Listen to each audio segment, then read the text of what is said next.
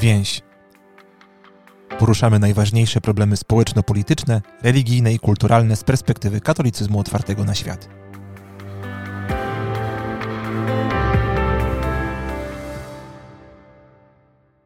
Dzień dobry Państwu. Nazywam się Damian Jankowski, jestem redaktorem Więzi. Dzisiaj w naszym studiu podcastowym gościmy księdza Grzegorza Michalczyka, duszpasterza środowisk twórczych. Dzień dobry. Rozmawiamy w początek Wielkiego Postu 2023 roku, jest Środa Popiercowa. I Grzegorzu, takie pytanie do ciebie mm, na sam początek, takie pytanie rozgrzewkowe. No, czym jest y, post w rozumieniu chrześcijańskim? Jak go rozumieć?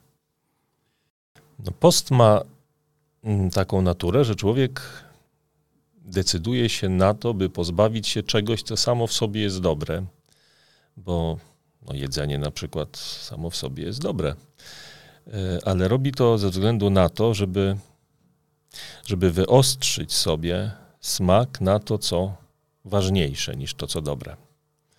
Tak bym to powiedział. I post e, to jest taka rzeczywistość, która myślę, że możemy odwołać się, szukając porównania do takiej sytuacji, kiedy robimy sobie na przykład jedno, dwu czy tam trzydniową głodówkę i kiedy zaczynamy po tych trzech dniach jeść, bo już zgłodnieliśmy, to nagle odkrywamy, że to, co dla nas smakowało tak po prostu zwyczajnie, nasze pokarmy czy nasze napoje mają niezwykły smak. Znaczy jest jakaś regeneracja takiej wrażliwości na, na smak, na to, co dobre. I post y, ma nas uwrażliwić właśnie na to, co, co najważniejsze i co najlepsze. I dlatego post y, w tradycji chrześcijańskiej, podobnie zresztą jak w żydowskiej, bo przecież w Biblii, w Starym Testamencie mamy bardzo wiele mm, odniesień w różnych sytuacjach do postu, jest właśnie tym, co ma pomóc człowiekowi na wyostrzenie tych wewnętrznych zmysłów, mm, by móc być bliżej Boga, by móc lepiej Boga słuchać, by móc lepiej Boga zrozumieć, e, a również by dotknąć tych kwestii, które we własnym życiu od Boga oddzielają. I dlatego bardzo często post łączy się też z procesem nawrócenia, który człowiek podejmuje. I tak jest w naszym Wielkim Poście. A powiedz, jak to jest, no bo dzisiaj powiedzmy środa popiercowa, tak w kościele katolickim post ścisły, później 40 dni Wielkiego Postu. Mm, w tej formie, którą dzisiaj znamy, to, to mniej więcej od kiedy jest w kościele? 40 dni jest w ogóle... Mm, 40 jest taką liczbą, która jest symboliczna. I jeśli chodzi o y, biblijne te sceny, w których to 40 gdzieś w jakimś kontekście się pojawia, no to jest ich co najmniej kilka. 40 lat wędrówki przez pustynię do ziemi obiecanej, 40 lat drogi Eliasza do Bożej Góry Choreb, 40 dni postu Jezusa na pustyni, to nie są przypadkowe liczby. Nawet jeżeli Oczywiście można zapytać, no jak to historycznie było, czy to naprawdę było 40. No, istotny mhm. jest ten przekaz, który y, z tych scen biblijnych płynie. Y, I 40 dni postu, czyli nazwijmy to właściwie 40 dni przygotowania do Paschy, bo taki jest sens tego. No w języku polskim ten okres przygotowania do Wielkanocy nazywa się Wielkim Postem i chyba w żadnym innym języku tak się nie nazywa. Natomiast bardzo często Y, słyszymy o czterdziestnicy paschalnej. Tempus quadragesime, taka jest łacińska nazwa Wielkiego Postu, a więc mamy mowy, jest mowa o paschalnej pokucie, czy o przygotowaniu do paschy. I tak należy rozumieć Wielki Post. I to 40 dni wzięło się właśnie z tych biblijnych symboli i z postu Jezusa na pustyni 40-dniowego, które opisują Ewangelię, a nade wszystko wiązało się te 40 dni przedpaschalnych z przygotowaniem katechumenów do chrztu. Te 40 dni to był ten ostatni etap przygotowania katechumenów do przyjęcia sakramentów w tajemniczenia chrześcijańskiego, które miało miejsce w Wielką Noc, w czasie Wigilii Paschalnej, w Paschę.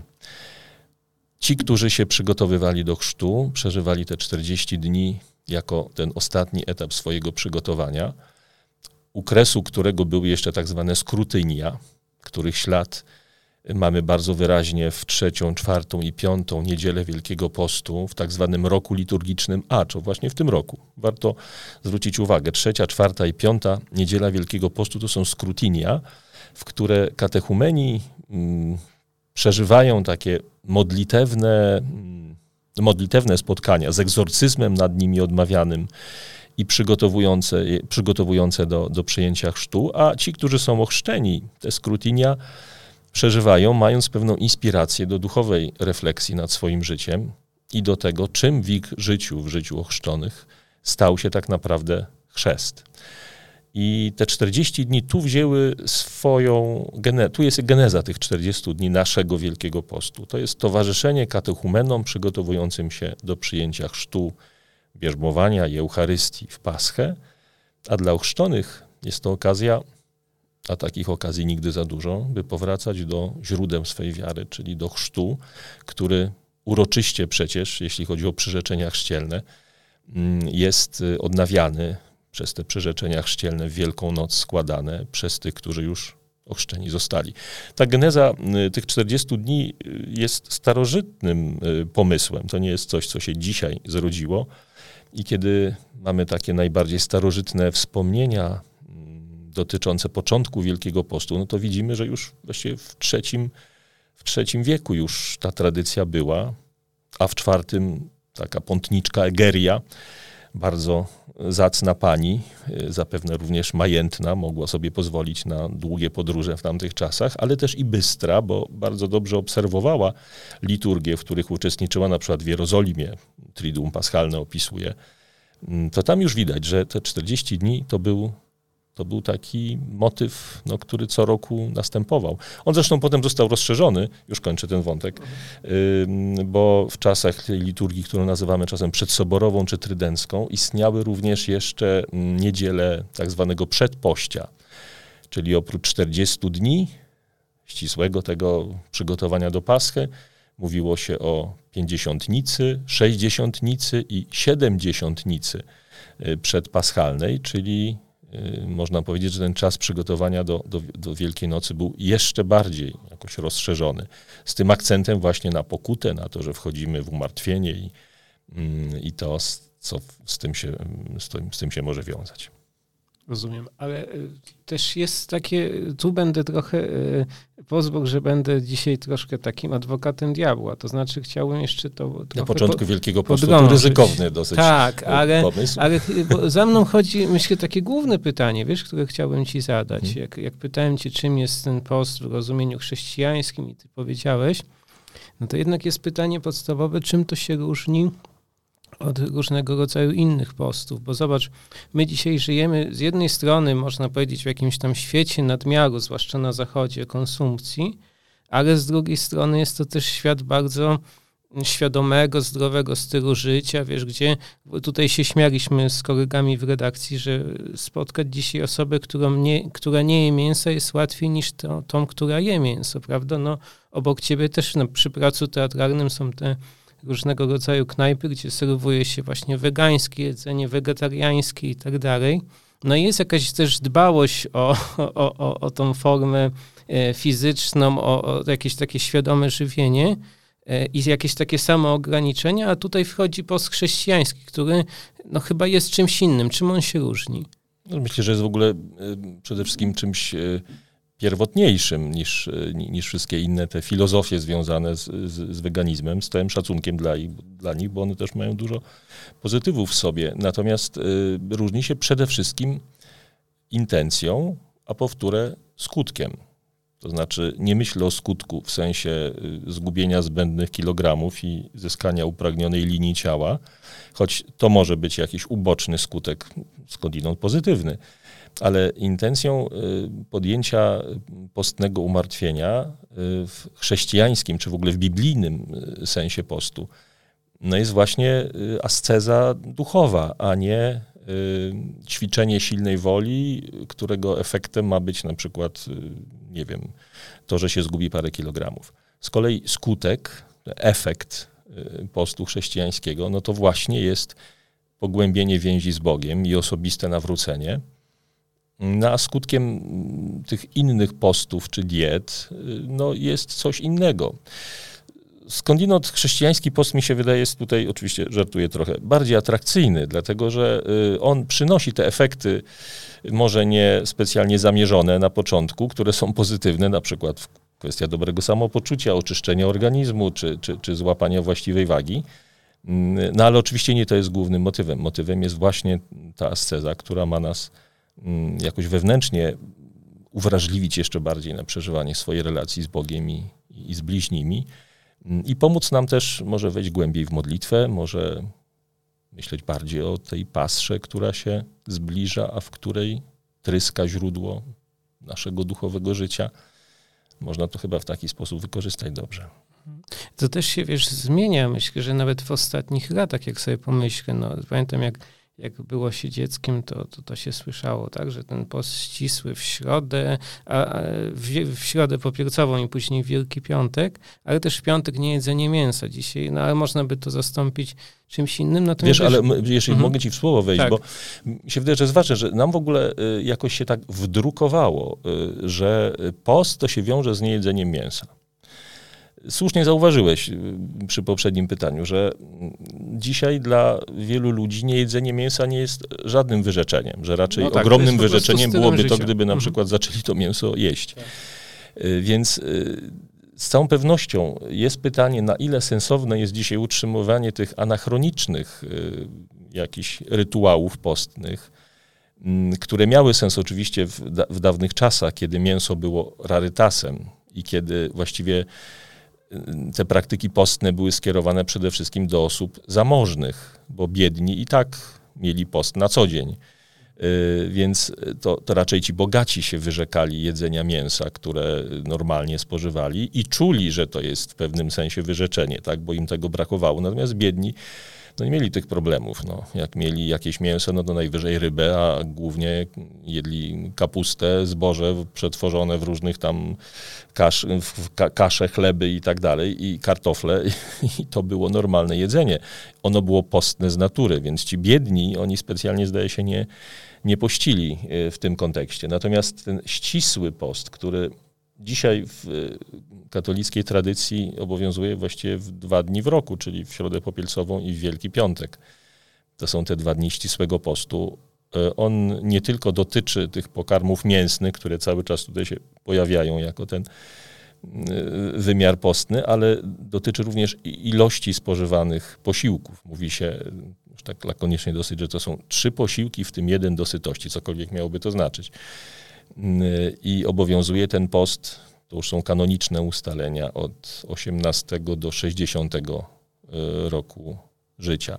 Przy czym ja mam wrażenie, że, że, że dokładnie te, te, mm, no właśnie ta metodologia jakby postu, że trzy posiłki, że, że tak czy siak, że to jest wtórna rzecz. Tak mhm. naprawdę chodzi o to, żeby uchwycić sens tego postu, żeby też go jakoś nie dogmatyzować, bo to naprawdę no jak to Pan Jezus w Ewangelii wiele razy mówi, problem jest w sercu człowieka. Tak? To, co jest y, na zewnątrz, jest konsekwencją tego, co rodzi się w sercu. I chodzi o to, żeby ten post i pragnienie nawrócenia i, i, i pojednania z Bogiem i bliźnimi y, zrodził się w sercu, a wszystko inne ma być narzędziem, które, które ma w tym pomóc mówiłeś o tym, że no, ja się z tym zgadzam, że może być właśnie anachronizm pewien, no to y, przyszło mi do głowy ta, taki, przyszedł taki przykład sprzed dwóch dni. Wiesz, umieściliśmy na portalu więzi taki news niepozorny, że biskupi, rzymskokatolicy biskupi Ukrainy ogłosili, że jest Wielki Post i oni zalecają swoim wiernym e, dwa dni w ciągu każdego tygodnia, środę i piątek, żeby to było o chlebie i wodzie. Wiesz, nie chciałbym krytykować biskupów Ukrainy, ale kiedy to przeczytałem i to sobie opracowałem na naszą stronę, to pomyślałem, że przy całym szacunku dla nich, ale w, w Ukrainie dzisiaj mieszkańcy Ukrainy być może przeżywają ciągły Wielki Post prawda? Nie wiem, są, e, muszą się chować w schronach. A niektórzy w ogóle być może marzą o, o chlebie i wodzie, bo może być tak, że nawet tego im brakuje. Więc... Tak, więc zupełnie, tak? Jak gdyby i tutaj to jest trochę, wiesz, wydaje mi się, że to by było nawet przystające dla jakiejś, nie wiem, sytuacji, powiedzmy, jakiś Niemiec czy Szwajcarii, a niekoniecznie Ukrainy, nie? Że to jest, e, być może właśnie nie o to chodzi, tak jak powiedziałeś, że ten sens jest trochę inny i trzeba by go inaczej uchwycić. Znaczy z całą pewnością taki apel, y, no jakby ich decyzja tutaj, nie, nie, nie krytykuję tego, natomiast taki apel do, do społeczności krajów bardziej zamożnych byłby sensowny. W Polsce na przykład taki apel, żeby właśnie tak jak to Ewangelia uczy, no, że są pewne rzeczy, o które warto prosić, łącząc to z postem. Tak? Ewangelia z ostatnich dni, już nie pamiętam dokładnie z którego dnia, kiedy, kiedy uczniowie mówią, y, pytają Jezusa, dlaczego nam nie udało się wypędzić tego złego ducha z tego chłopca opętanego? A Jezus mówi, bo jest taki rodzaj złych duchów, który wypędza się tylko postem i modlitwą. Y, czyli sam, sam Jezus łączy te dwa wymiary. Modlitwy, błagalnej modlitwy o coś, z postem, który jest pewnym wyrzeczeniem y, i ofiarą zarazem, którą człowiek składa po to właśnie, żeby no, być bardziej narzędziem w ręku Boga tak, w tej sytuacji. Tak, być może tam, wiesz, w Ukrainie taka jest interpretacja biskupów, no bo intencją jest pokój, nie? Więc, więc jak gdyby wszystko jest przynajmniej formalnie w porządku, natomiast no, za, zawsze jest to pytanie. Mm, natomiast ja też się, wiesz, zastanawiam, tu, tu chodzi, powiem ci szczerze, chodzi za mną i to od kilku lat taka kwestia i chciałem ci ją tutaj zadać, podjąć, że mm, kiedy się mówi często w kościołach, że Wielki Post jest przygotowaniem do czasów Wielkanocy, czyli zmartwychwstania Pana Jezusa. Natomiast no jest też taki problem, że problem z rozumieniem chyba czasu w chrześcijaństwie i w ogóle w naszej kulturze, czasu i cykliczności, no bo no zobacz, no przecież e, jest napisane, Jezus raz zmartwychwstał i więcej nie umiera, znaczy raz umarł i więcej nie umiera, śmierć nad nim już nie ma władzy, natomiast my wiesz, taka interpretacja, która by na przykład kazała, że w Wielki Piątek to masz się smucić i masz to przeżywać, to, to myślę, że jest zupełnie dzisiaj nietrafiające. Ja myślę, że nie należy się smucić w Wielki Piątek. Znaczy, nie można zapomnieć, przeżywając liturgię męki pańskiej, mm, o tym, że y, my czcimy Chrystusa zmartwychwstałego. Tak? Znaczy, to, to, to jest absolutnie nie, y, niekwestionowane. Natomiast mm, problem chyba jest w tym, że no bo idąc dalej y, tym tropem, można było powiedzieć, y, no to właściwie nie powinniśmy mszy świętej odprawiać, bo jeżeli ona jest ofiarą krzyżową Jezusa Chrystusa, no to on tę ofiarę złożył już dwa tysiące lat temu, to po co my w to się bawimy? A jednak jest w liturgii chrześcijańskiej, podobnie zresztą jak w żydowskiej y, mentalności takiej liturgicznej, mm, coś takiego, co po hebrajsku nazywa się zikaron, a po grecku nazywa się anamnezis. Trudno przetłumaczyć to jednym słowem na język polski, ale opisując, y, można byłoby powiedzieć, że to jest y, wspomnienie uobecniające. Czyli, że to nie jest coś nowego. My, y, prze, przeżywając anamnezę, którą na przykład jest Eucharystia, Eucharystia jest anamnezą, nawet jest modlitwa anamnetyczna w, w, w, w czasie liturgii eucharystycznej że przeżywając anamnezę, my uczestniczymy w czymś, co stało się y, wieki temu. Wydarzeniu zbawczym, które miało miejsce wcześniej. Żydzi na przykład w Pasrze. Każda pascha żydowska jest anamnezą, jest ikaron, czyli jest przypominaniem sobie wydarzeń, które miały miejsce wtedy, kiedy Izrael z Egiptu wychodził. Przechodził przez Morze Czerwone, karmił się przepiórkami i manną, czerpał wodę ze skały, prawda, i tak dalej. A zarazem ci, którzy uczestniczą w tej wieczerzy, oni mają świadomość, że oni w tym uczestniczą realnie. To my jesteśmy tymi, którzy przechodzą przez Morze Czerwone. To my jesteśmy tymi, którzy doświadczają potężnej ręki Boga, która nas prowadzi i chroni. I ta sama logika towarzyszyła Jezusowi w czasie ostatniej wieczerzy, która przecież była wieczerzą paschalną, albo przynajmniej wieczerzą w kontekście paschy sprawowaną. I dokładnie ta sama logika tkwi w chrześcijańskiej liturgii. Ono, ona uobecnia coś, co miało miejsce wcześniej, po to, żebyśmy dziś mogli w tym uczestniczyć. I dlatego Chrystus na nowo nie umiera, umarł raz, ale uobecniamy tę ofiarę i karmimy się jej owocami. Zawsze, ile razy sprawujemy Eucharystię. I tak jest w ogóle z cyklem liturgicznym, z cyklem paschalnym. Dlatego te dni, y, szczytowe dni całego roku, jeśli chodzi o liturgię, którym, którymi są dni Triduum Paschalnego, one w takim duchu są przeżywane. To nie jest to na nowo. Nie, nie jest misterium, którym odtwarzamy, prawda, tak jak się odtwarza y, misteria jakieś tam pasyjne, prawda, które nie są liturgią, tylko są przedstawieniem. Y, ale my, y, wpatrzeni w pewne symbole, na przykład takie jak krzyż, który całujemy, przed którym klękamy, takie jak woda, która staje się wodą chrzcielną, y, pobłogosławiona, poświęcona w noc Paschy, prawda, i tak dalej, w płomień świecy paschalnej, która symbolizuje światło Chrystusa zmartwychwstałego, że my przeżywamy to, uobecniamy te tajemnice w liturgii, by w nich uczestniczyć, by nimi się nasycić. Jesteśmy co roku inni. Liturgia, ten czas liturgiczny w chrześcijańskiej wizji, on nie jest kręgiem zamkniętym, który powraca y, co roku do tego samego punktu. On jest w pewnym sensie spiralą. Znaczy, jesteśmy, przeżywamy te same tajemnice, te same tajemnice, ale przeżywamy je inni. Co roku jesteśmy inni, jesteśmy rok dalej w naszym życiu jesteśmy bogatsi o jakieś doświadczenia, radosne albo bolesne i spotykamy Pana w tych samych obrzędach. Ktoś powie, że to jest odtwarzanie, jak, jak w przedstawieniu tych samych obrzędów. No właśnie nie. Jest to uobecnienie tej samej tajemnicy, w której zanurzamy się, by żyć, by mieć wiarę, by się umocnić w wierze, ale jesteśmy już krok dalej w naszym życiu.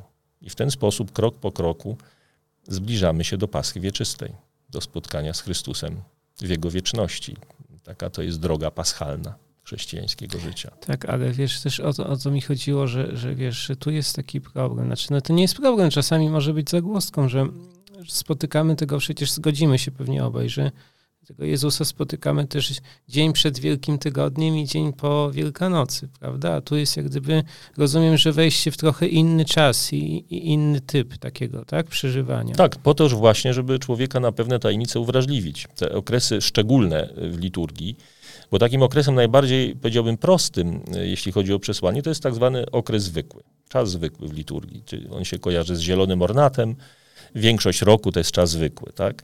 Natomiast są te okresy szczególne.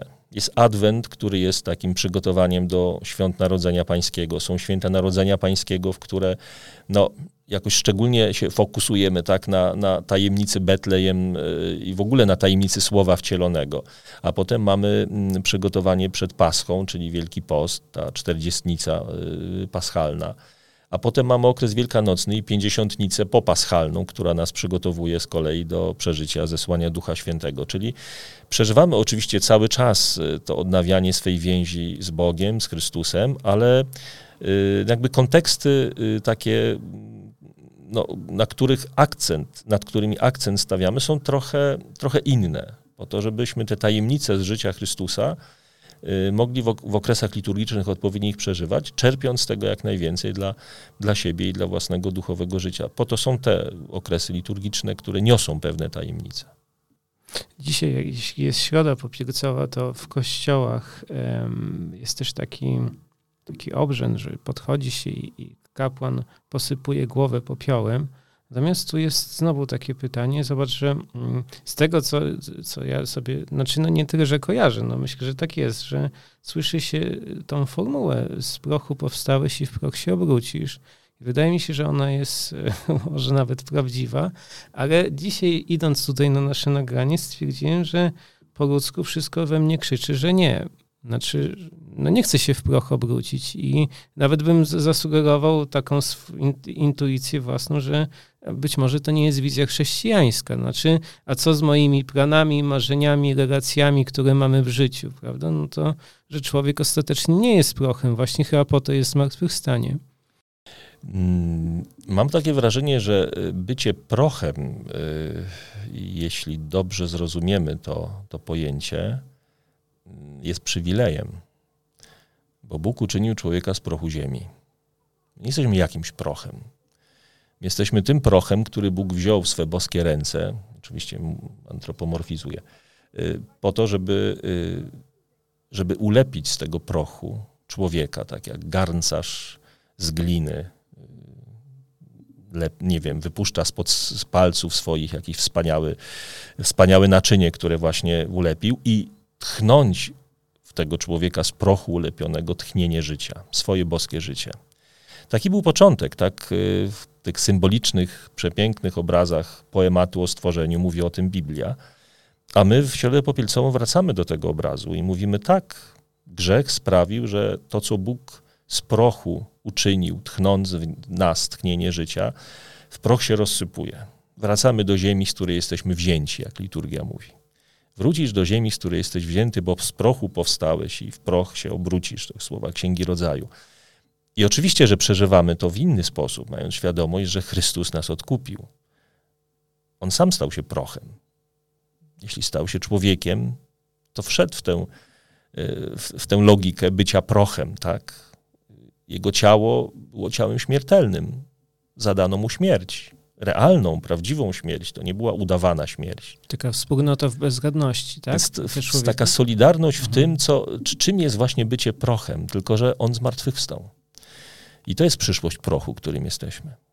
To, że w proch się obrócimy, ma nam uświadamiać przemijalność tego wszystkiego, czego tu czasami kurczowo Y, może zbyt kurczowo się trzymamy, widząc w tym zabezpieczenie naszego życia, nasze życiowe ubezpieczenie. Tak? Lubimy panować nad wszystkim, lubimy kontrolować to, co się dzieje. Jesteśmy przerażeni, kiedy dzieją się rzeczy, wobec których jesteśmy bezradni, z którymi nie potrafimy sobie poradzić. To jest proch. Prędzej czy później rozsypuje się to w proch.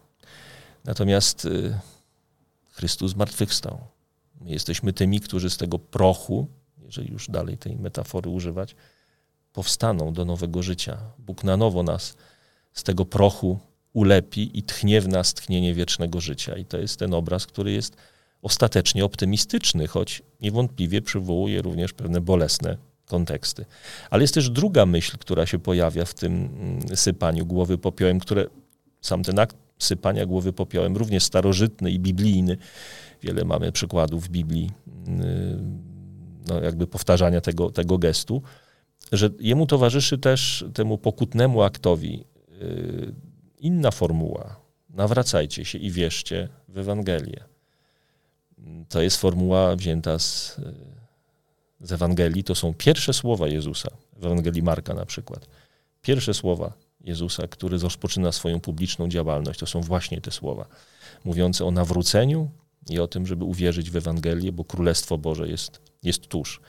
E, I to jest bardzo optymistyczna formuła. Dzisiaj po soborowej reformie liturgicznej te dwie formuły są do wyboru, ale warto i z jednej i z drugiej korzystać, bo każda z nich ma swoje ważne przesłanie. Używasz pewnie bardziej drugiej. Uży... Rzeczywiście tak jest, że używam bardziej drugiej, ale o tej pierwszej przynajmniej chcę powiedzieć, tak? Można jej używać, e, chociaż czasami księża uważają, że ona jest taka trochę bardziej pesymistyczna, więc może lepiej nie, żeby tam ludzi nie gnębić, ale jak to się nam wszystkim wytłumaczy, jak odkryjemy sens tej formuły, zresztą będącej biblijnym wersetem przecież, yy, no to można na nią spojrzeć inaczej. Jeszcze jedno takie pytanie do tego, co powiedziałeś i będziemy powoli kończyć. Jak e, z tą formułą nawracajcie się i wierzcie w Ewangelię, ale Grzegorzu, czy można się raz a dobrze nawrócić? Chyba nie. Moim zdaniem nie. Moim zdaniem to jest, e, tak jak zresztą Libert napisał, tak, uczyniwszy na wieki wybór, w każdej chwili wybierać muszę. To, to jest jakaś logika nawrócenia. Czy w ogóle jestem bardzo ostrożny z takimi stwierdzeniami, które są takie radykalne, ostateczne. Czasem pokazuje to, jak bardzo płytko rozumiemy nawrócenie. Bo nawrócenie jest rzeczywistością, która oczywiście ma gdzieś tam jakiś początek. Swoją drogą dobrze byłoby znaleźć taki moment w naszym życiu, który Y, mógłby być określony to, jako to pierwsze nawrócenie, tak? czyli, czyli pierwsza, no, nawrócenie ostatecznie to jest y, przemiana sposobu myślenia, tak? Grecki czasownik metanoeite, który słyszymy w Ewangelii, tłumaczony na polski jako nawróćcie się, nawracajcie się, czy nawróćcie się, Zresztą nawet y, w języku polskim to nawracajcie się sugeruje pewną ciągłość. Nawróćcie się jednorazowo, nawracajcie się nieustannie. I to jest dobre, bo rzeczywiście tak jest. To nawracanie się jest procesem, który trwa przez całe ludzkie życie. To nie znaczy, że zawsze jest to pierwsze nawrócenie, ale zawsze jest to ponowienie pewnego mm, sposobu myślenia, który ma być bardziej zbliżony do tego, no właśnie jak, jak Bóg y, nam proponuje, a nie jak nam się często myśli o pewnych wartościach czy priorytetach, jakie mamy w życiu. To słowo nawrócenie jest również bardzo optymistycznym słowem, dlatego że ono pozwala nam właśnie zostawić to, co Paweł nazywa tym starym człowiekiem, tak, dawnym człowiekiem i przeoblec się w nowego, nawróconego, który, który żyje według tego wzoru, który daje Bóg. I tym optymistycznym akcentem, to nawet nie optymistycznym akcentem, tylko myślę jakąś taką głęboką chrześcijańską nadzieją, prawda, o której mawiał ksiądz Tischner, że właściwie dla chrześcijanina po zmartwychwstaniu każda sytuacja nie musi być beznadziejna, co nie znaczy, że to jest hura optymizm. To chciałbym y, z tym Państwa zostawić. Dziękuję Ci za rozmowę. Dzięki. Ruszamy w 40-dniową drogę do Paschy, więc życzmy sobie dobrej, owocnej drogi.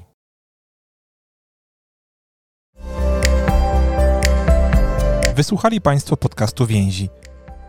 Naszą działalność można wesprzeć w serwisie Patronite na patronite.pl omane przez więź.